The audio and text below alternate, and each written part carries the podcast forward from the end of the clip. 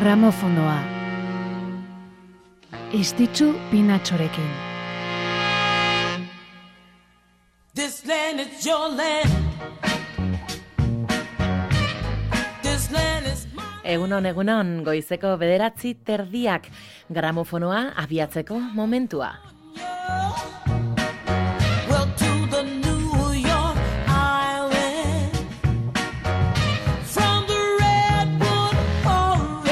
Konturatu orduko larunta ere ailetu zaigu maiatzaren hogeita bat adugu gaur eta bisi-bisi denborarik galdu gabe jarri dezagun martxan gure asteontako kantu zerrenda.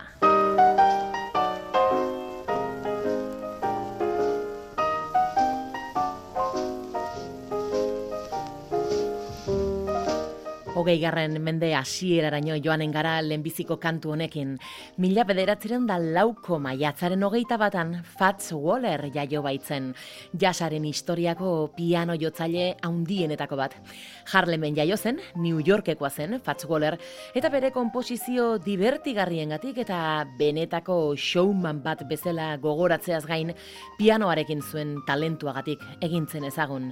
Stride teknikan bereziki ona izan zen Fats Waller. Stride teknika ragtimetik eratorritako teknika da. Ezkerreko eskuak erritmoa markatzen duen bitartean eskuinekoak melodia interpretatzen oinarritzen dena.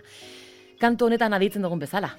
Benetan ona izan zen Fats Waller pianoa bakarrik ez, organoa ere jozun, eta izan ere jasak izan zuen lehenbiziko organista garrantzitsua izan zen. Fats Wallerrek obra luze eta zoragarria utzi zigun. Eta pianoan zuen e, trebetasunak e, kantatzean bere ahotsak zuen e, swingak eta bere umoreak markatu zuen. Neumonia batek eramantzun Fats Waller mila bederatzireun da berrogeita iruan, hogeita emeretzi urte bertzerik ez zitula. No one to talk with all by myself. No one to walk with, but I'm happy on the shelf. A misbehaving, saving my love for you, for you, for you, for you. I know for certain the one I love. I'm through with flirting, it's you that I'm thinking of. A misbehaving, saving my love for you.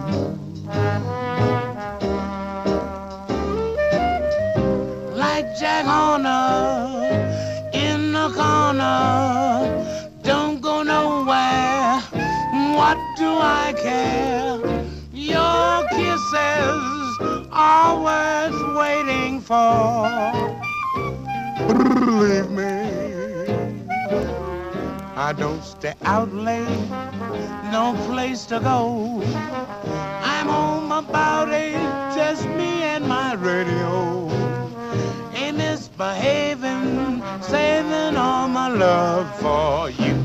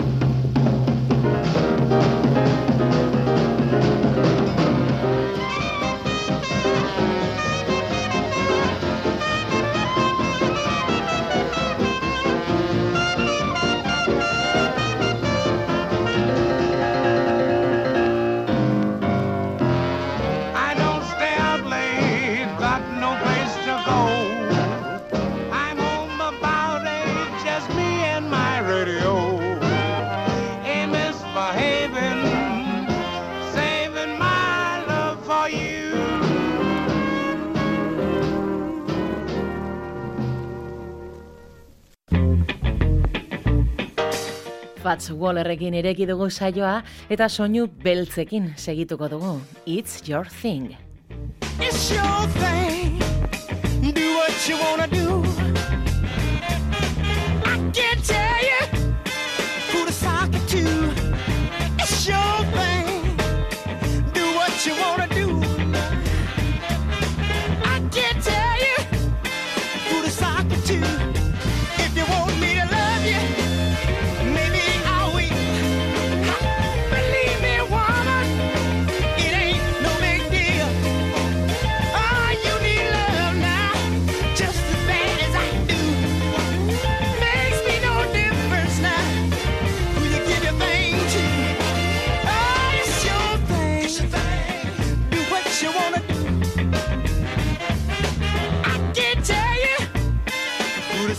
It's your thing.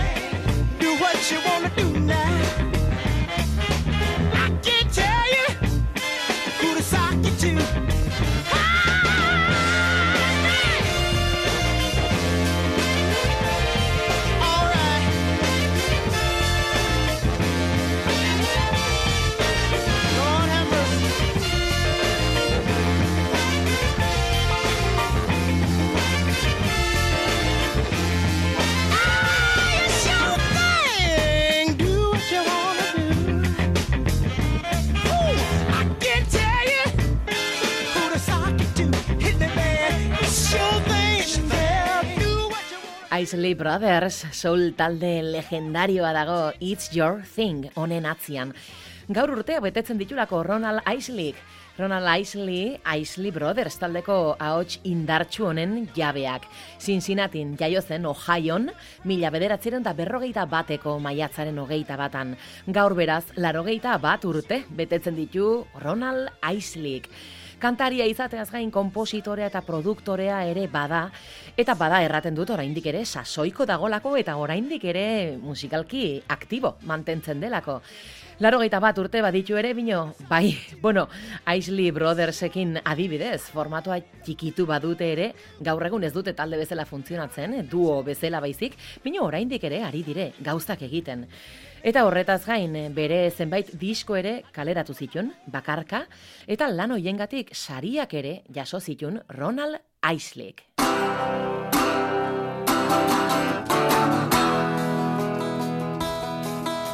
I met her in a club down in Old Soho where you drink champagne and it tastes like Coca-Cola. C-O-L-A Cola.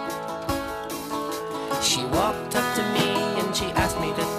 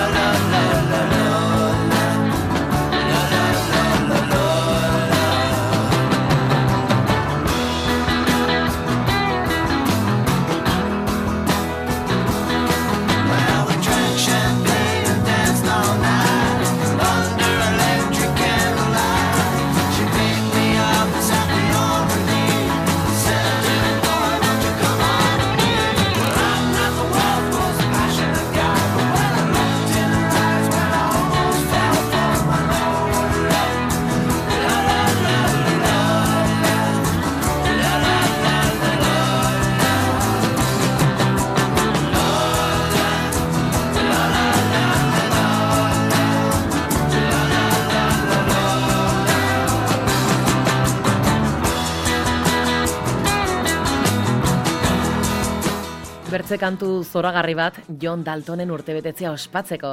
Irurogeita emeretzi urte betetzen baititu, basu jole Britainiarrak, mila bederatzeron da irurogeita bedetzi eta irurogeita masei garren urteen artean The Kings taldeko, taldeko kide gisa egindako lanagatik ezagun egintzenak. The Kingseko Pete Quaife basu joleak autoistribu larria izan ondotik ura ordezkatzeko sartu zen John Dalton, eta taldeko basu jole ofiziala izatera pasazen. Jonek taldearen hit handienetan parte hartu zuen, bertzeak bertze Victoria, Ape Man edota aditzen ari garen Lola honetan. Irurogeita amaseian utzi zuen The Kings, eta larogeita amaseian taldearen behin betiko bukaerarekin The Cast of Kings taldea sortu zuten, gaur egun, oraindik ere martxan dagoena. Rockero hauentzat urteak ez direla pasatzen, irurogeita emeretzi John Daltonek eta sasoi bete betian.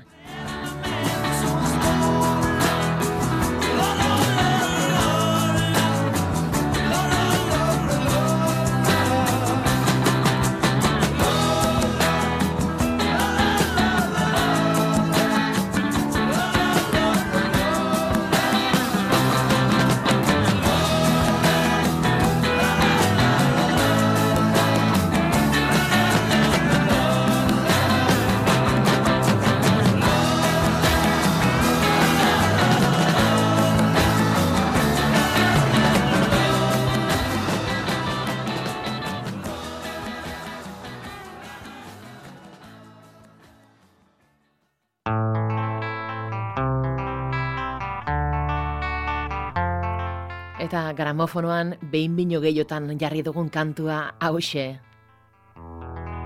There is a house in New Orleans. They call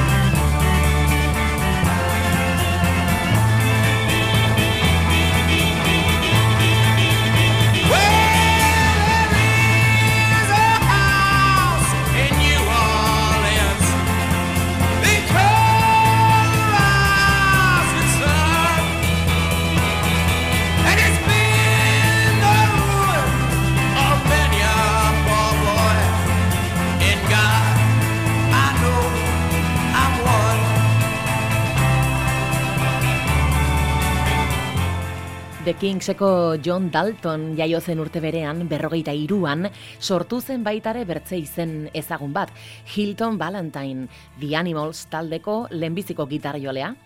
Eta kantu honetako sarrerako riff bikainan utzizun batez ere bere oinatza. Mila bederatzen da larogeita malauan, rock and rollaren ospearen aretoan sartu zuten Hilton Valentine, ondotik bakarkako zenbait disko kaleratu zituen bino ikia erran, ez zuten arrakasta haundirik izan. Iaz, irurogeita mazazpi urte zitula zendu zen Hilton Valentine.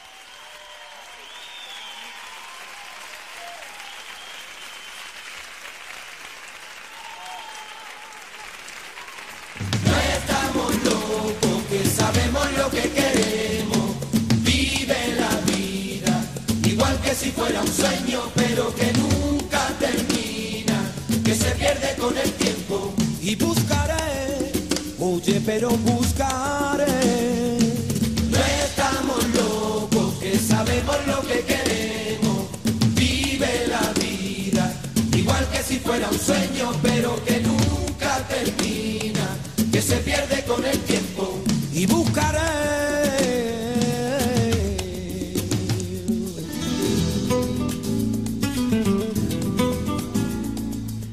Aste honetan izan ditugun udagiroko egunetan nola sartzen diren olako kantuak. No estamos locos, ketama.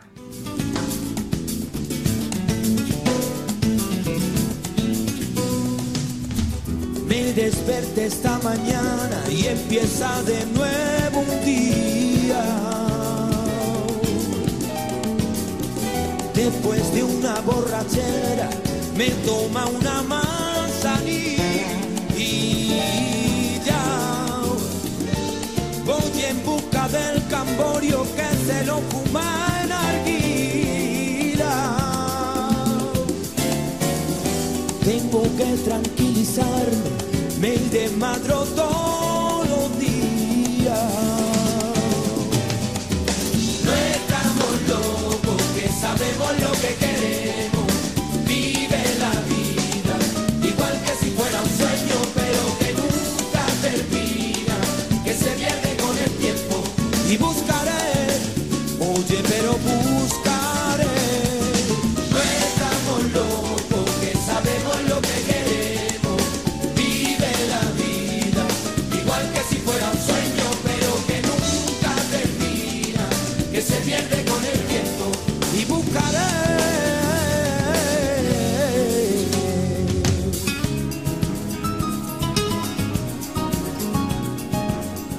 Berrogeita mazazpi urte gaur Antonio Carmonak. Ketama Espainian agitze ezagun egintzen taldeko abeslari nagusia da.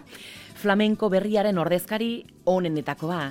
Flamenkoa bertze estilo batzuekin fusionatzeko erakutsitako trebeziagatik. Granadan jaio zen Antonio Carmona eta familiatik datorkio musikarekiko lotura, flamenkoarekiko lotura. Abitxuela Zarraren birbiloba, Jose Carmonaren biloba, Juan Abitxuela gitarrista flamenkoaren semea eta Pepe Abitxuela gitarjolearen iloba delako. Eta bera bakarrik ez, anaiek ere jakina jaso zuten erentzia hori. Eta horrela osatu zuen Juan Jose Carmona anaiarekin eta Jose Miguel Carmona lengusuarekin batera, ketama. Estamos locos, que sabemos lo que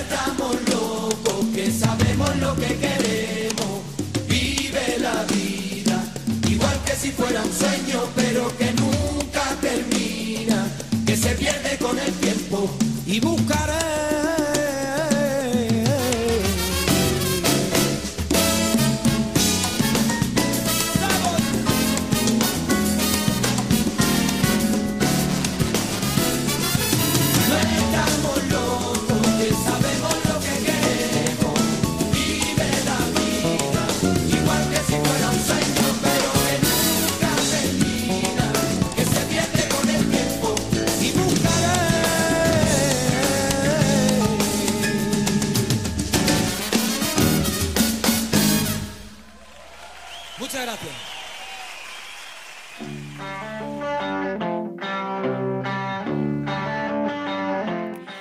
Eta bertze kantutzar bat, honen izena, Ohio.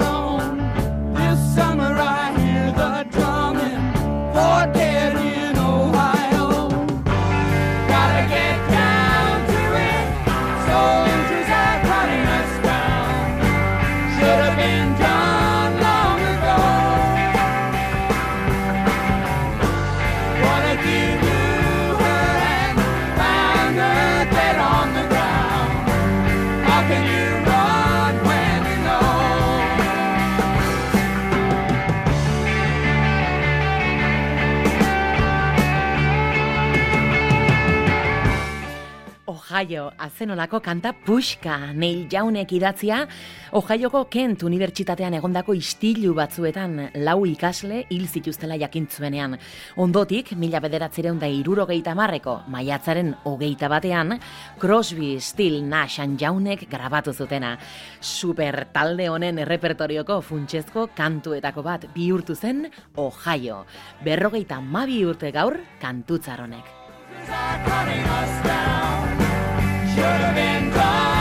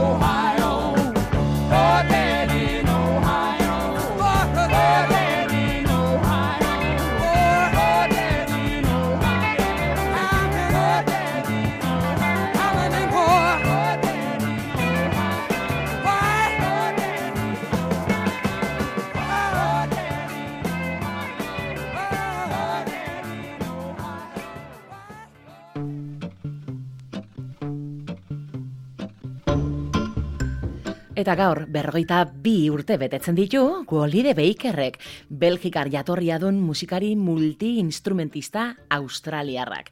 Gualide Baker edo goti izen artistikoaz ezagunagoa.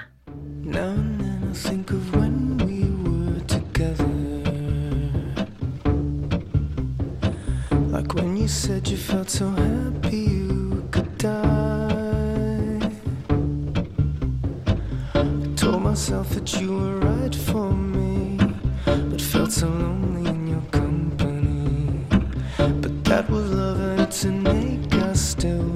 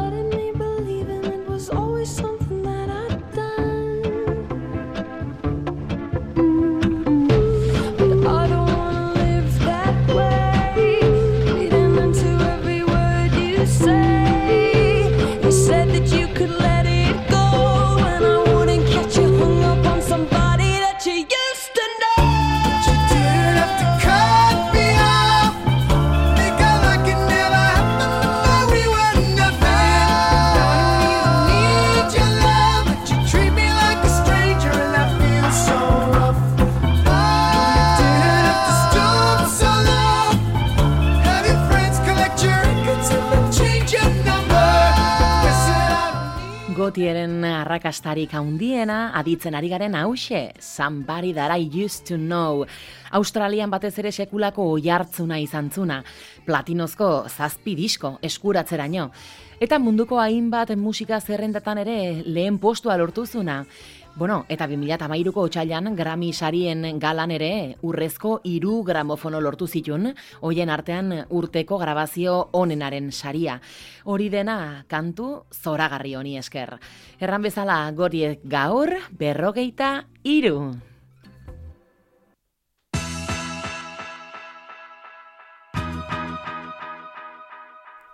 Eta gaur saioa bukatzeko, olako doinuak.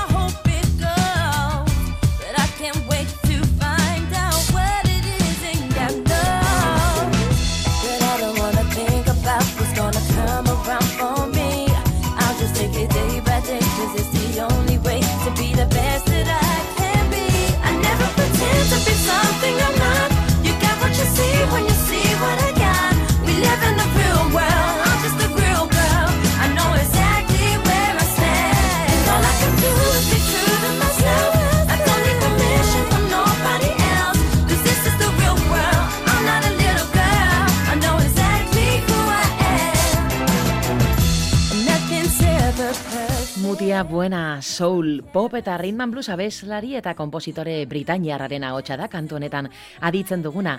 Mutia buena, Keisha Bukanan eta Sioban Donagirekin batera Suga Babes taldea sortu zuena. Suga Babes, lau album kaleratu eta nazioarteko arrakasta lortu zutenak. Zerrenda Britainiarretan lau aldi hoietan gailurrera ailetuz. Eta mutia buenak eh, taldeak emandako indarra eta oi hartzuna probestuz, 2008an Suga Babes utzi, eta bi urte beranduago, 2007an, bere bakarkako lehen eh, albuma merkaturatu zuen.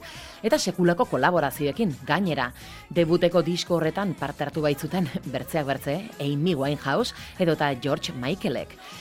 Real Girl da diskoaren izena eta hause, aditzen ari garen hause, izen beradun aurkezpen kantua.